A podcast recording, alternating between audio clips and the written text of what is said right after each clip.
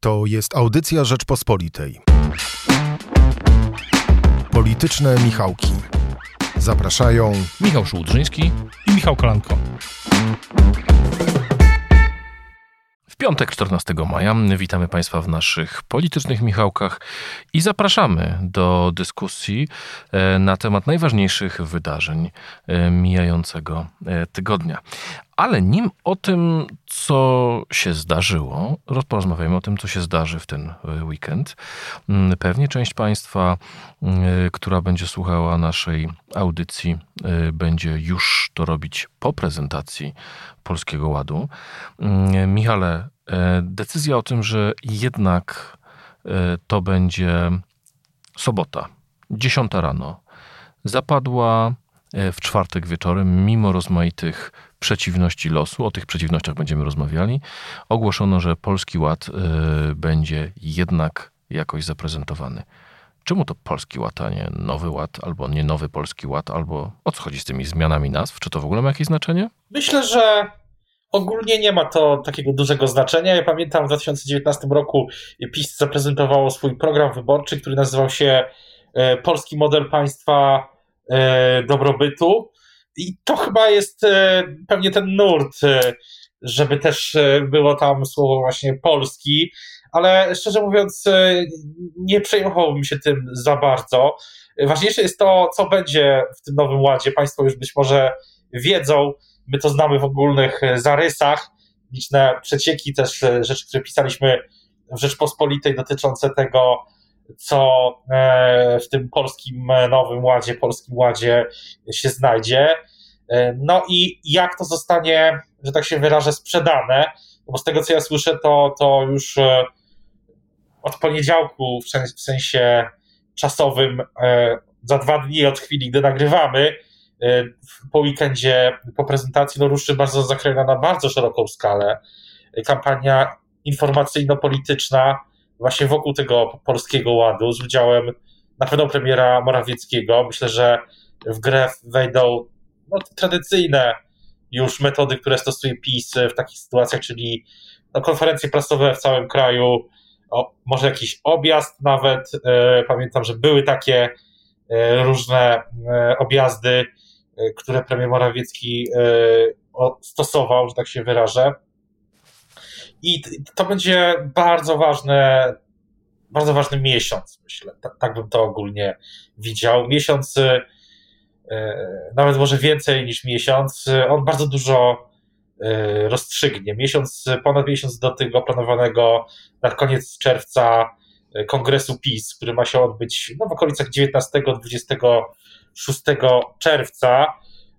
W tym tygodniu pisałem taki plan polityczny, ten restart polityki i wiem, że dla prezesa PiS ten kongres jest niezwykle ważny.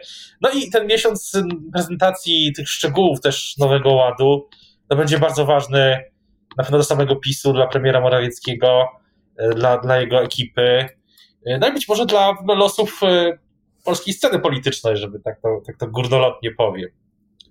No więc właśnie, czy się spodziewasz game changera i nie chodzi mi o to, czy tam będą mm, jakieś przełomowe propozycje, bo myślę, że część tych rzeczy, która tam jest, e, została ujawniona. Wiemy, że to będzie dotyczyło podatków. Wiemy, że e, PiS chce tak zwaną stronę popytową tutaj zwiększać w naszej gospodarce. Chce budować taką gospodarkę bardziej sprawiedliwą, jak to nazywa. Ale raczej chodzi mi o to, czy myślisz, że to będzie miało charakter takiej niezwykłej zmiany politycznej, to znaczy Mam wrażenie, że opozycja ostatnio bardzo pomogła PiSowi, e, kłócąc się do tego stopnia, że już nie tylko lewica kłóci się z platformą, nie tylko platforma kłóci się ze sobą, ale jeszcze lewica pokłóciła się ze sobą w piątek. Pani wicemarszałek Gabriela Moraska-Stanecka zaczęła się wyżalać nad Włodzimierzem, Cimoszewicz, Włodzimierzem Czarzastym i jego rzekomym językiem pełnym przemocowości i seksizmu e, w rozmowach prywatnych politycznych, znaczy o, nieoficjalnych politycznych. I tutaj cała para jak gdyby e, i uwaga opinii publicznej skupiona była na problemach opozycji. O problemach PiSu właściwie przestaliśmy słyszeć. Wie, wiemy, że doszło do dwóch spotkań pomiędzy liderami e, Zjednoczonej Prawicy i to były spotkania, które doprowadziły do jakiegoś polepszenia się e, klimatu. I w tym momencie, no tak naprawdę dla PiSu przychodzi to w dobrym momencie. Jest oczywiście problem z wyborami kopertowym i raportem Niku, ale o tym porozmawiamy za moment. A więc Michale, podsumowując, to będzie game changer?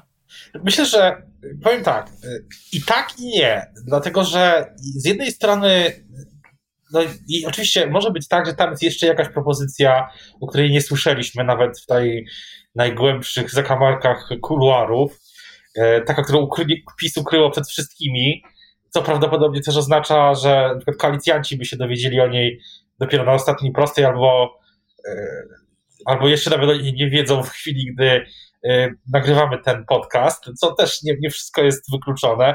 Jest tam być może jeszcze taki właśnie realny, e, taki game changer, o którym nie słyszeliśmy w ogóle. Nie wiem, do czego, tutaj dotyczyłby zapewne sfery właśnie podatkowo-społecznej. Tak, tak sobie to wyobrażam. Natomiast y, no może już okazuje, może jednak nie. Być może jednak te wszystkie przecieki gdzieś tam się na jedną całość y, jutro złożą i takiego wielkiego zaskoczenia nie będzie. Natomiast no, samo to, co, o czym kiedyś mówił prezes Kaczyński w wywiadzie dla bodajże Gazety Polskiej, że mm, o tej zmianie filozofii systemu podatkowego na bardziej y, redukcja tej, tej sytuacji, w której, zmiana tej sytuacji, w której to procentowo to biedniejsi, mniej zarabiający płacą wyższe, czy płacą ogólnie wyższe podatki niż bogaci, no to jest w jakimś sensie e, game changer dla e, trzeciej Rzeczpospolitej, dla jej filozofii.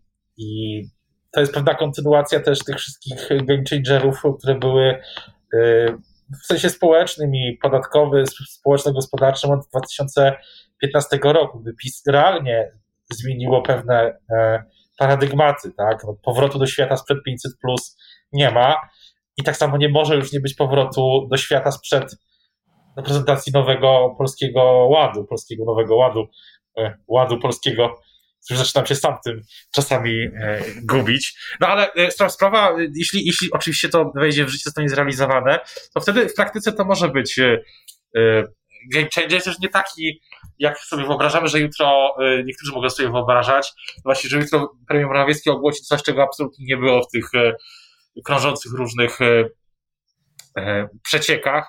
Myślę, że myślę, że bardziej prawdopodobne jest to, że, za game changera będzie kiedyś uznawana ta zmiana filozofii podatkowej, która mam wrażenie zresztą PiS jest zgrany z pewnymi trendami E, na świecie, na przykład e, z tym, co robi prezydent e, USA Joe, Joe Biden, chociaż tam w Stanach Zjednoczonych sytuacja oczywiście jest no, bardziej skomplikowana i, i tak dalej, że jest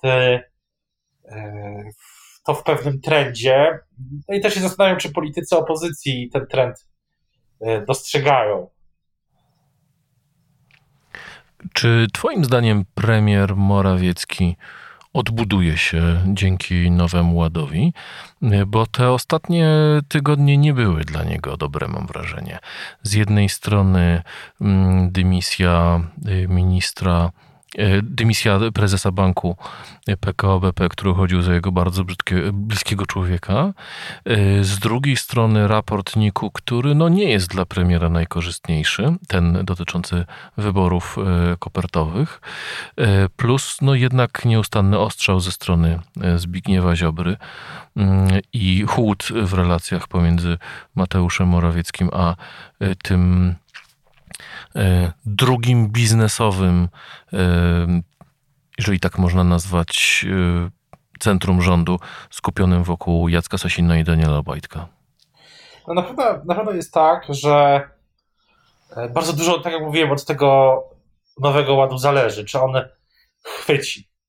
Bo my rozmawiamy na płaszczyźnie dużych, znaczy wiele z tych rzeczy, o których mówiłeś, dla przeciętnego wyborcy, konsumenta informacji, e, no nie, nie jest najważniejsze.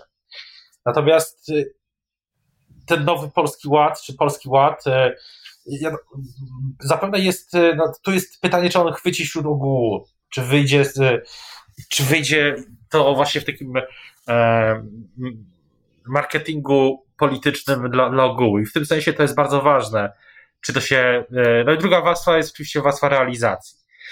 E, ale sam Włodzimierz Czerzasty niedawno w rozmowie z Jackiem Nizinkiewiczem, dobrze pamiętam, sugerował, czy mówił wprost, że te dobre propozycje z Nowego Ładu Lewica będzie e, popierać.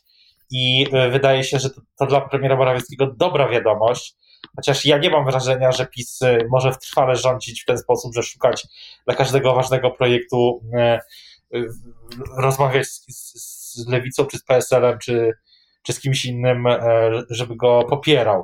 Tak, tak na dłuższą metę się nie da, prawdopodobnie, ale no, zobaczymy. Natomiast dla premiera Morawieckiego no, sukces tego nowego ładu w sensie takim narracyjnym i marketingowym, politycznym, wychodzący poza e, bańkę, no jest, jest, jest bardzo ważny na, na pewno. To w takim razie przejdźmy do e, tego, mm, co wydarzyło się we czwartek, gdy Najwyższa Izba Kontroli opublikowała swoje ustalenia dotyczące wyborów kopertowych. Twoim zdaniem, na ile to jest niebezpieczne dla e, premiera e, Morawieckiego? Bo tak jak słuchałem polityków PiSu i słuchałem narracji z e, wiadomości TVP, to właśnie tam odnotowano jedno. Nie ma doniesienia do prokuratury przeciwko Mateuszowi Morawieckiemu, a zatem nie jest to w premiera wymierzone bezpośrednio. No ale czytając i słuchając tego wszystkiego ciężko nie odnieść wrażenia, że to prędzej czy później na nim skupi się polityczna odpowiedzialność za ten e, fatalny projekt, jakim były e, wybory korespondencyjne, mimo że on realizował tam wyłącznie w wolę Jarosława Kaczyńskiego, bo to ten polityk się uparł, że wybory muszą się odbyć za wszelką cenę 10, 10 e, maja 2020 roku. Tak, tak mówiła konstytucja, ale pandemia sprawiła, że mm, te wybory fizycznie były niemożliwe, a, a kopertowo były nie do przeprowadzenia prowadzenia zgodnie z przepisami. No tak, e, to, to jest taki miecz Damoklesa, który wisi trochę, ale nie tylko nad premierem Morawieckim, ale nad, e, e, e nad wszystkimi najważniejszymi politykami PiS, takie mam wrażenie. Oczywiście tutaj e, ten miecz wisi i e, jeśli spadnie, to będzie miało to jeszcze większe konsekwencje niż E, czy będzie miało w ogóle takie dość duże konsekwencje polityczne, inne niż takie, że przez parę dni opozycja zajmuje się Nikiem i Marianem e, Banasiem. No, tylko czy, czy, i kiedy on spadnie, to tego, tego nie wiemy. To też zależy od relacji e, Niku z Marianem Banasiem i tego, jak ten, ta relacja się będzie, że tak się wyrażę, rozwijała. Bo myślę, że to, to też jest tutaj ważne w tej, w tej sytuacji, e, czy, czy dojdzie do jakiegoś detaunt, czy, czy nie, a czy, czy w ogóle to detaunt jest e, możliwe, bo tam zdaje się w grę wchodzą jeszcze no, bardzo wiele różnych e, sił i nie wszystkie mogą być tak łatwo kontrolowalne, o tak bym to ujął, ujął delikatnie w tym, tym całym, w tej całej mozaice, w tym całym konglomeracie różnych postaci, zdarzeń między Nowogrodzką a chyba filtrował, tak, gdzie jest e, siedziba prezesa NIK-u. Filtrowa w ogóle staje się teraz ośrodkiem centrum pewnej mocy. Takie mam wrażenie. Osób, dla osób spoza Warszawy yy, należy się wyjaśnienie, że Filtrowa i Nowogrodzka, czyli siedzibę NIK-u yy, i siedzibę Prawa i Sprawiedliwości oddziela teren zielony, w którym się właśnie mieszczą warszawskie filtry. Jest to bardzo y, blisko siebie są te miejsca. Yy, dobrze, ale czy ty myślisz, że tak na dłuższą metę premier Morawiecki powinien się czegoś obawiać? Tego, tego, tego nie wiem. No tego, tego do końca nie wiem. Myślę, że e, jest też pytanie, e, na ile. No, to wszystko się moim zdaniem jednak cały czas wiąże z tym nowym polskim, e, czy polskim ładem. Może, aha, właśnie. Moja teoria, którą, którą stworzyłem sobie teraz, jest taka, że zmiana wynika z tego, że ten nowy ład jednak za bardzo kojarzy się z Rooseveltem, to raz, a dwa, że może Polacy nie chcą słyszeć o jakichś nowych ładach, tylko o nowej rzeczywistości, nowej normalności, bo y, to, to może budzić pewien niepokój, bo nie wiadomo, tak jak e, mówił kiedyś strateg polityczny Tomasz Karoń w wywiadzie e, dla nas, dla Rzeczpospolitej, który zresztą w tym wywiadzie stwierdził, że nowy ład będzie przeprowadzony, będzie pokazany w maju, a ten wywiad ukazał się w lutym, więc trafnie to przewidział całą sytuację. Jeszcze to było długo przed tym pierwszym przesunięciem tej prezentacji. Być może Polacy nie chcą słyszeć o nowych ładach, nowych rzeczywistościach, nowych normalnościach, tylko chcą no, nostalgicznie troszeczkę e, liczą na powrót tego, co było. Co, co stąd tam może zmiana, ale no, ja, ja, myślę, że tak jak mówiłem, no, najważniejsze dla premiera jest teraz ten nowy ład i to, żeby się powiódł. W czwartek nie tylko Najwyższa Izba Kontroli przedstawiła ustalenia swoich badań dotyczących przebiegu przygotowań do wyborów kopertowych 2020 roku, ale również wieczorem miało miejsce głosowanie w Senacie. Senat zdecydował, że Bartłomiej Wróblewski, poseł PiSu, prawnik, nie zostanie jednak Rzecznikiem Praw Obywatelskich, 49 e, głosów przeciw, 48 głosów za, e, dwa głosy wstrzymujące się, wstrzymujące się jedna osoba nie zagłosowała.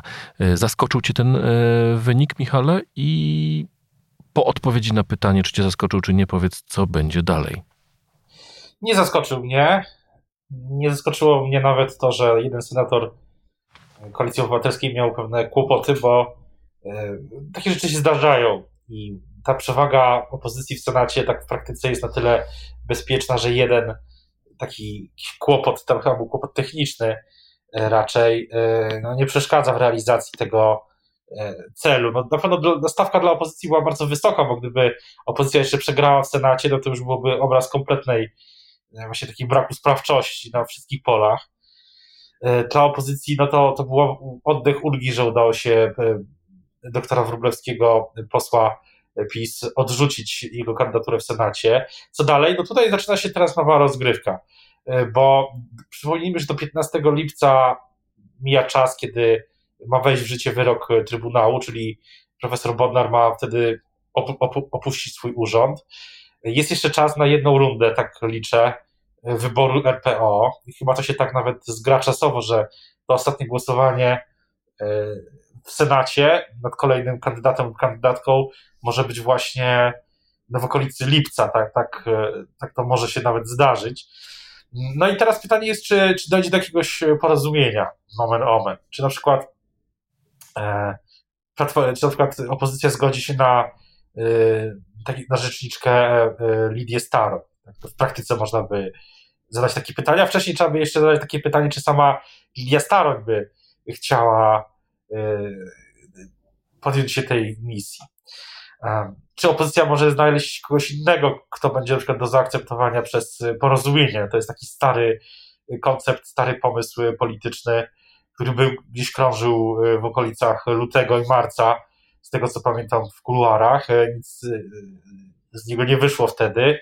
No i zobaczymy, czy, czy może teraz no, opozycja, to się uda. No, opozycja, zwłaszcza Platforma, no, potrzebuje jakiegoś sukcesu. Myślę, że E, z, jakimś, z jakichś powodów e, ostatnio się też nad tym zastanawiałem, czy też masz takie wrażenie, że ta kampania w Rzeszowie no, nie jest taką kampanią, która jednak nie angażuje tak nas, opinii publicznej, jak e, poza mieszkańcami Rzeszowa, jak miał, jakby się to miało wydawać jeszcze parę miesięcy temu, gdy ona startowała. Więc no, ten Rzeszów, nawet jak wygra Konrad Fiołek, to jakimś wielkim ogólnokrajowym sukcesem opozycji na takiej dużej skali nie będzie. Więc no, może właśnie RPO, zwłaszcza, że dla Platformy no, to jest ważna sfera, tak, praw obywatelskich, praworządności i, i tak dalej. Zobaczymy też, co, czy, czy, czy, jakie jest nastawienie PiSu do tej sprawy, czy tam rzeczywiście ten e, nieformalny układ, który miał być, że Jarosław Gowin teraz wystawia swojego kandydata lub kandydatkę jako kandydata Zjednoczonej Prawicy PiSu się utrzyma. Może tak być, a nie musi. No więc właśnie, bo coś ciekawego rzeczywiście zdarzyło się w Rzeszowie, na co zwróciłeś uwagę. Miało to być poligon sporu politycznego, ale tak naprawdę o tej kampanii się robi coraz ciszej. Czy to dlatego, że opozycja, która mm, w Warszawie się kłóci, akurat w Rzeszowie ma wspólnego kandydata? Nie wiem, myślę, że myślę, że to wynika z tego, że czy to akurat jest ten powód, no politycy opozycji tam akurat bywali. Natomiast y, ja mam wrażenie, że bywają, bywali. No ja mam wrażenie, że mm, to chyba wynika z tego, że do tej pory przynajmniej to politycy PiSu nie byli w Rzeszowie. Ani przez Kaczyński, ani premier Morawiecki w tę kamp- kampanię się nie zaangażowali. I to też myślę, no wynika tam z tamtejszych pewnie specyfiki lokalnej tego, że tam z badań wynikało, że po prostu wyborcy w Rzeszowie nie, nie życzą sobie e, kandydata lub kandydatki z partii politycznej. Tak czy w, w każdym bądź razie ten e, ten układ jest taki, że no Rzeszów e, no mało kogo interesuje tak w praktyce z punktu widzenia Warszawy, chociaż insiderzy warszawscy no, śledzą tą kampanię. Ja też ją śledzę. E, no bo jednak jeśli wygra, może sam wynik dopiero coś zmieni pierwszej tury. Może, może tak to ujmijmy, że jak w pierwszej turze wygra Konrad Fiołek od razu, no to, no to będzie przez chwilę zmiana optyki na Rzeszów. Jeśli nie wejdzie kandydatka PiSu, to, to też. E, no to wszystko, wszystko się układa, e, ułoży się może w jedną całość też po tej prezentacji tego nowego ładu, bo jednak dużo czasu nam, zajmuje nam ostatnio no właśnie dyskusja o tym nowym ładzie, przepraszam, polskim ładzie i, i zastanawianie się, co tam jest. Więc to też może być jakaś przyczyna. Michale, na koniec chciałem Cię zapytać o naszą y, opozycję. Y, opowiedzieliśmy o naszej partii rządzącej, powiedzmy teraz o naszej opozycji, dlatego że chyba głównym wydarzeniem tygodnia był nie tylko mm, komentarze do listu, który się ukazał pod koniec zeszłego tygodnia. 51 par parlamentarzystów e, Prawa i Sprawiedliwości do e, Platformy, tak, do władz, e, ale też pokazały się sondaże, kolejne sondaże, które pokazywały nie tylko mm, słabnącą pozycję Platformy wobec y, partii Szymona Hołowni, mm, ale chyba już najmocniejszym akcentem był y, sondaż, który pokazał, że Platforma zbliża się do granicy 10%, jeśli chodzi o y, poparcie, mm, bo wielu ekspertów zwraca uwagę, że to jest ten moment, w którym zaczynać się może pojawiać panika wśród części polityków, wśród części posłów. Dzisiaj Platforma liczy jeżeli dobrze pamiętam, 150. Klub Platformy czy Koalicji liczy 150 osób około. Spadek do 10% oznacza, że to będzie osób 40 e, czy 40 kilka. E, co oznacza, że mm, no właśnie, co to oznacza i jakie, co się będzie teraz działo w, w, platformie? Czy to jest tylko chwilowa zadyszka, czy też jakiś długotrwały trend i sygnał, że jednak Szymonowi Hołowni udało się skanibalizować e, Platformę Obywatelską? No ja myślę, że e, bardzo wiele się może wydarzyć, albo wiele rozstrzygnie ten powrót e, świata do tej, jakby to powiedział premier Morawiecki, może już teraz by tak nie powiedział, nowej normalności.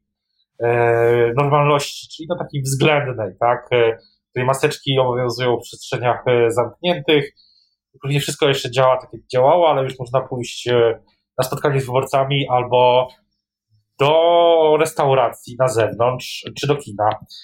I to i Platforma liczy, że wtedy, takie przynajmniej słyszałem opinię, że wtedy się zmieni sytuacja, jeśli chodzi o Szymona Hołownię, że wtedy nastąpi powrót do takiej tradycyjnej polityki, której nie tak dużo zależy od internetu, a, tak, a więcej zależy od struktur, od e, takiej siły politycznej, od e, tego, co e, się realnie ma w terenie.